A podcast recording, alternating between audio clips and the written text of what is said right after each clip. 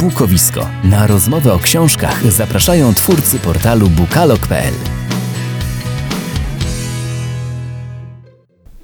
Halo, halo, dzień dobry, dobry wieczór.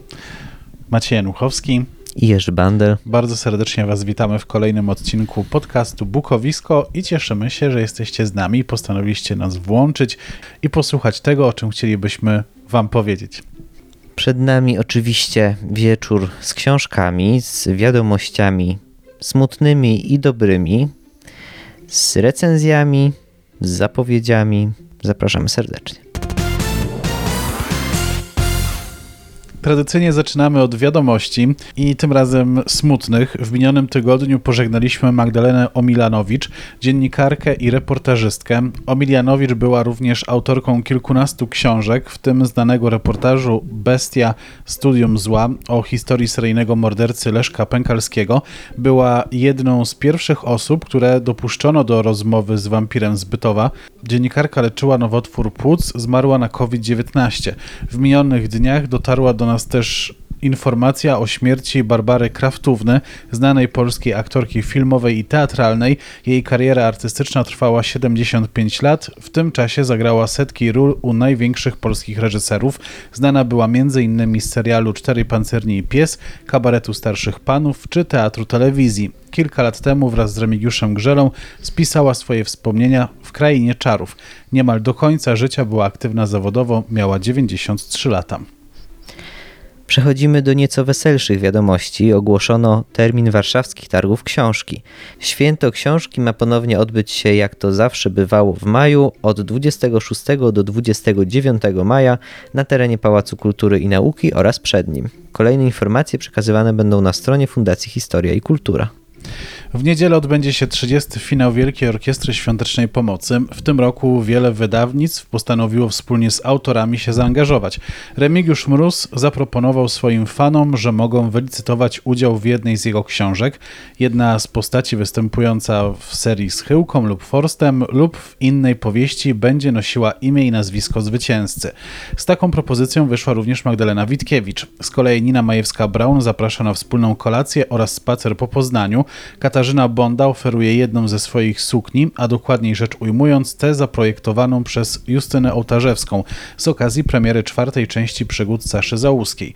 Katarzyna Puzyńska oferuje paczkę z Lipowa, na którą składają się osobiste okulary autorki, czapka i silikonowe bransoletki oraz książki z dedykacją Martwiec, Choćba i Policjanci. Na aukcję WOŚP trafiły też książki z autografami Jerzego Bralczyka, Olgi Tokarczuk, Mariusza Szczygła czy Joanny Jędrzejczyk. Wydawnictwo Agora oferuje spacer po Puszczy Białowieskiej z Adamem Wajrakiem. Zwycięzca licytacji otrzyma też zestaw książek autorstwa przyrodnika. Dom wydawniczy Rebis przygotował książki z autografami Mastertona, Miniera, Montero, Williamsa czy Rogera Mura. W sieci opublikowano pierwszy zwiastun najbardziej oczekiwanego serialu 2022 roku, nowej ekranizacji Władcy Pierścieni. Zapewne będziemy o nim mówić jeszcze wielokrotnie, więc przypomnijmy, co wiadomo na ten moment. Serial wyprodukuje Amazon Prime, a wraz ze zwiastunem ogłoszono także oficjalny tytuł serii, który brzmi The Lord of the Rings, The Rings of Power, czyli Władca Pierścieni, Pierścienie Władzy. Serial opowiadać będzie o historii drugiej ery przedstawionej w Silmarillionie. Tym samym wydarzenia rozgrywać się będą tysiące lat przed tymi znanymi z Hobbita i Władcy Pierścieni. Dotychczas widzowie mogli zobaczyć na ekranie historię tylko jedynego pierścienia, ale zanim powstał ten jeden, było ich wiele. Jesteśmy niezwykle podekscytowani, mogąc podzielić się epicką opowieścią o nich wszystkich, wyjaśniają twórcy serialu. Już ta kilkudziesięciosekundowa zapowiedź wywołała dyskusję wśród zagorzałych fanów serii, więc możemy się spodziewać, że serial wzbudzi wiele emocji. Premiera ma odbyć się we wrześniu. W dzisiejszym odcinku podcastu Bukowisko przyszedł czas na pierwszą z recenzji, które dla Was przygotowaliśmy i to będzie moja recenzja. W ubiegłym roku mm, mocno komentowane były przypadające na koniec 2020 wybory prezydenckie w Stanach Zjednoczonych. W związku z tym w 2021 na polskim rynku wydawniczym pojawiło się kilka książek związanych z nowym prezydentem, jak i jego rodziną. Pierwsza z nich to Spełniona obietnicę autorstwa samego Joe Bidena. Dzięki Dzięki niej możemy poznać historię człowieka, jakim był i jakie zmiany przeszedł, zanim jeszcze został prezydentem jednego z najpotężniejszych krajów świata. W niezwykle osobistej książce Joe Biden zdradza tajemnice zaciekłych kampanii i politycznej rywalizacji. Nie boi się też pisać o najtrudniejszych osobistych doświadczeniach. Wraca wspomnieniami do traumatycznych momentów swojego życia, do tragicznego wypadku samochodowego, w którym stracił ukochaną żonę i roczną córeczkę. Opisuje również swoją walkę o życie po zdiagnozowaniu u niego dwóch tętniaków mózgu. Spełniając obietnicę, to opowieść o walce wytrawnego gracza w niełatwym świecie polityki, ale też wrażliwego człowieka zmagającego się z losem. Biden przeplata swoje polityczne i osobiste wspomnienia refleksjami na temat Ameryki, ukochanego kraju, który zmienił się na jego oczach przez prawie 7 dekad. Dzięki lekturze książki możemy poznać człowieka, który postanowił dać opór fali populizmu przetaczającej się przez Stany Zjednoczone Ameryki, jednego z najpotężniejszych światowych przywódców, który w ostatnich wyborach prezydenckich pokonał Donalda Trumpa. Ta książka pozwala zobaczyć Bidena nie tylko jako polityka, ale również jako człowieka, przed którym stoją jedne z najtrudniejszych zadań w historii Stanów Zjednoczonych walka z pandemią, podziałami w kraju i globalnym kryzysem gospodarczym. Druga książka to Same piękne rzeczy Huntera Bidena, syna prezydenta Ameryki. Jak sam pisze, pochodzę z rodziny zrodzonej przez tragedię i związanej niezwykłą, niezłomną miłością. Są to jego wspomnienia, nie boi się poruszać trudnych tematów jak uzależnienie, strata czy przetrwanie. Kiedy miał dwa lata, Hunter Biden został ciężko ranny w wypadku samochodowym, w którym zginęła jego matka i młodsza siostra. W 2015 roku doznał druzgocącej straty swojego ukochanego starszego brata Bo, który zmarł na raka mózgu w wieku 46 lat. Przez cały okres administracji Trumpa Hunter był obiektem nieustannych ataków i obelg ze strony prezydenta i jego popleczników. Trudności te spotęgował rozpad jego małżeństwa oraz wieloletnia walka z uzależnieniem od narkotyków i alkoholu. W książce Same piękne rzeczy Hunter opowiada o swoim uzależnieniu od substancji psychoaktywnych i trudnej drodze do trzeźwości. Historia kończy się w miejscu, w którym Hunter znajduje się dzisiaj, będąc trzeźwym, mając własną rodzinę i ojca, który został 46. prezydentem Stanów Zjednoczonych, a także będąc tym, który wreszcie potrafi docenić piękne rzeczy w życiu. W tej książce głównym bohaterem jest syn prezydenta. Sam Joe został pokazany w niej tylko w niewielkim stopniu. Głównie jest to opowieść o człowieku walczącym z nałogami. Tytuł, jak na opisywane rzeczy, może być zaskakujący. W książce Same piękne rzeczy znajdziemy opis wzajemnych relacji, rodzinnych sukcesów i porażek. Publikacja wydaje się być szczera, Hunter zwraca się bezpośrednio do czytelnika, traktuje go jako kogoś znajomego czy też dobrego kumpla. W środku znajdziemy 11 rozdziałów, każdy z nich ma wymowny tytuł, każdy został opatrzony prologiem i epilogiem, wielokrotnie są to wzruszające momenty lektury. Podsumowując, jeżeli interesuje Was postać prezydenta Stanów Zjednoczonych, to książka Spełniona obietnice będzie dobrym wyborem, jeżeli chcecie poznać smutną, tragiczną część jego życia, widzianą z boku, okiem jego dziecka oraz w jaki sposób to dziecko radziło sobie w życiu, to same piękne rzeczy będzie lepszym wyborem lub uzupełnieniem tego, czego dowiedzieliście się w książce Bidena. Warto dodać, że prezydent Stanów Zjednoczonych napisał książkę o umierającym synu, kiedy jednocześnie był bardzo zajętym wiceprezydentem Stanów Zjednoczonych podczas kadencji Baracka Obamy. W 2014 roku u jego syna Bo wykryto glejaka mózgu. Książka opowiada o następnym roku, tak ważnym i smutnym w życiu Joe Bidena. Miał on wówczas pokonać ponad milion mil jako wiceprezydent, by zajmować się Ukrainą, Ameryką Środkową i Irakiem. Jednocześnie cały czas musiał dzielić uwagę i obowiązki między kraj i umierającego syna. Tej książki nie pisał jednak polityk, ale ojciec, dziadek czy też mąż. Obiecaj mi, tato, to opowieść o tym, jak bardzo pomagają rodzina i przyjaźń oraz jak nadzieja i cel w życiu potrafią przeprowadzić nawet przez najgorsze doświadczenia do światła i nowego życia. Wszystkie te trzy książki są y, jedynie wspomnieniami rodziny Bidenów, czy dla zainteresowanych polityką międzynarodową albo rolą, jaką przypisują Ameryce, Bidenowie, czy oni też znajdą coś dla siebie w tych książkach? Zdecydowanie tak, szczególnie w tej książce e, Joe Bidena, pierwszej, o której mówiłem, czyli Spełnione obietnice. Mm, tam on bardzo mocno zakreś, nakreśla obraz Ameryki wtedy, kiedy był wiceprezydentem, wtedy, kiedy miał przerwę w polityce, czyli y, mowa o kadencji Trumpa i też o tym, jakie on będzie miał plany, bo to ta książka została napisana zanim został prezydentem Stanów Zjednoczonych. Czyli można ją trochę uznać za manifest polityczny. Mhm, zdecydowanie tak. Jeżeli patrząc na tematykę, to jest dosyć szeroka tych książek, tych trzech, no bo znajdą tutaj coś dla siebie ci, którzy lubią czytać o znanych osobach, ci, którzy pasjonują się polityką, szczególnie zagraniczną, amerykańską, ale także ci, którzy szukają takich historii, które mogą ich poruszyć bo bez wątpienia historia, w której ginie żona Bidena i jego roczna córeczka, później historia ze śmiercią starszego syna, którego wykryto grajaka mózgu, no i też kolejnego syna, który zmaga się z uzależnieniem, jest chyba po prostu na tyle poruszająca, że, że zaciekawi nawet tych, którzy nie interesują się polityką, ale szukają właśnie innych tematów w tej książce. Czyli po prostu dobra i ciekawa biografia rodzinna.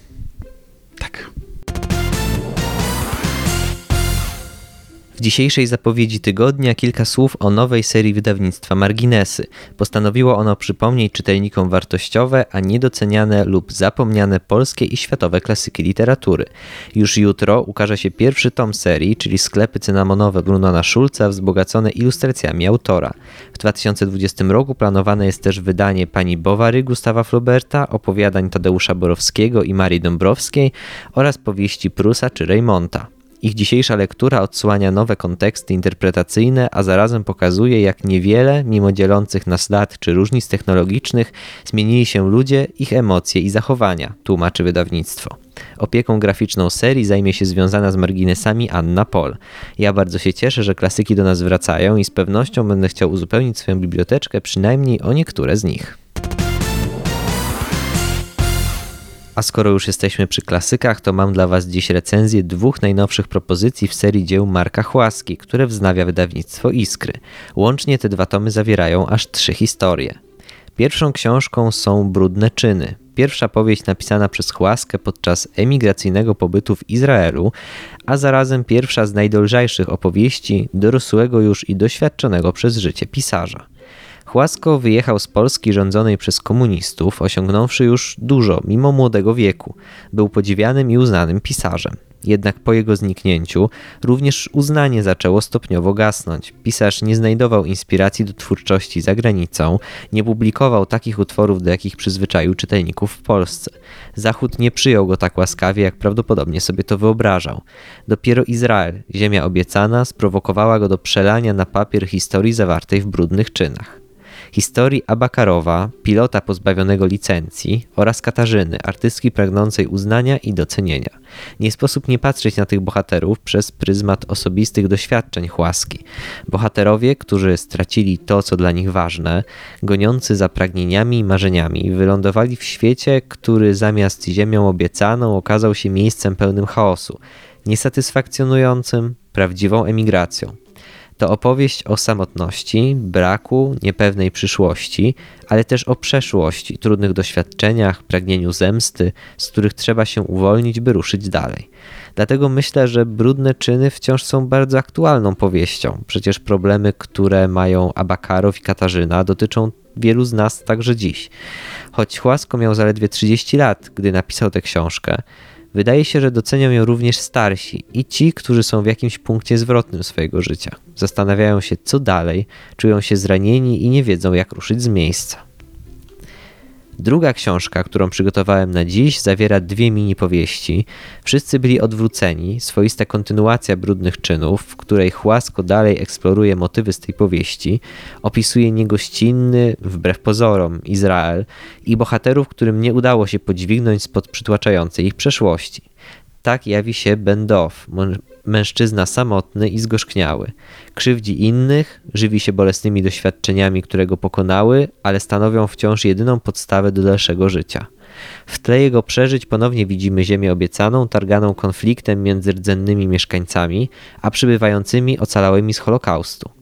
Chłasko podejmuje też temat religii i wiary, a właściwie tego, jaka jest przepaść między tym, co deklarowane, a tym, co przejawia się w zachowaniach bohaterów. Druga historia z tego tomu, czyli Sowa, córka piekarza, to zupełnie inna historia. To powrót do motywów znanych z wcześniejszej twórczości.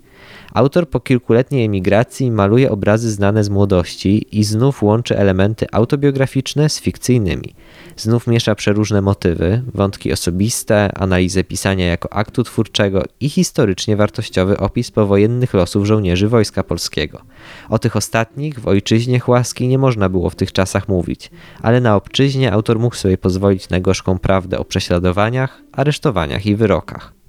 Obie książki dokładają ważne cegiełki do obrazu Marka Chłaski, które od pewnego czasu buduje nam wydawnictwo Iskry.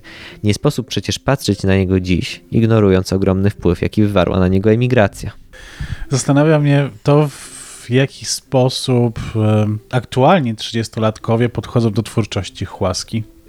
Tego nie wiem, ale mam poczucie, że jest jednak trochę zapomniany, bo w szkole za bardzo się go nie czyta. Jak w szkole się kogoś takiego spośród autorów starszych klasyki nie czyta, to raczej później też się do niego nie wraca. Mam poczucie, że bardziej wspominają go osoby, które jednak pamiętają PRL, w którym tworzył i jakoś umieją się odnieść do tego, co pisał. No ale jednak ta seria wychodzi i pewnie cieszy się popularnością, skoro kolejne tomy się pojawiają. Wpasowuje się jakoś w linię wydawnictwa, które wydało i Nowakowskiego, i Stachurę, więc myślę, że trochę mamy powrót do tych autorów. Kornel Filipowicz, trochę mamy powrót do tych autorów e, PRL-owskich, polskich. Pytanie, czy to są bardziej działania marketingowe wydawnictwa, czy y, rzeczywista, rzeczywiste zapotrzebowanie na twórczość tych autorów, których wymieniłeś?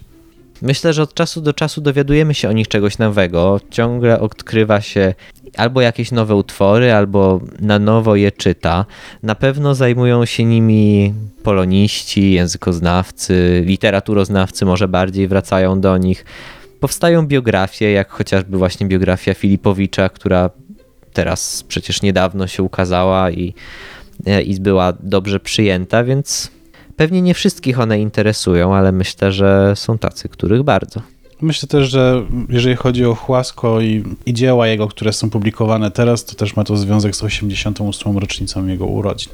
Na pewno. Takie rocznice zawsze nam przypominają o tym, żeby sięgnąć po dawno zapomniane książki. Opowiedzieliśmy dzisiaj o kilku książkach, było ich więcej niż zazwyczaj, więc mamy nadzieję, że znaleźliście wśród nich coś dla siebie. A jeżeli nie, to być może w przyszłym tygodniu znajdziecie, bo w przyszłym tygodniu będziemy mieli dla Was kolejne propozycje. Natomiast jeżeli opuściliście któryś z poprzednich odcinków albo słuchacie nas po raz pierwszy, bo przypadkiem trafiliście na nas na przykład w serwisie Spotify, to zapraszamy do wysłuchania pozostałych poprzednich odcinków. Pozostałych 73 odcinków Bukowiska. Do usłyszenia niebawem. Jerzy Bandel i Maciej Januchowski. Cześć. Cześć. Podcast Bukowisko znajdziesz na YouTubie, Spotify, Google Podcast i Apple Podcast.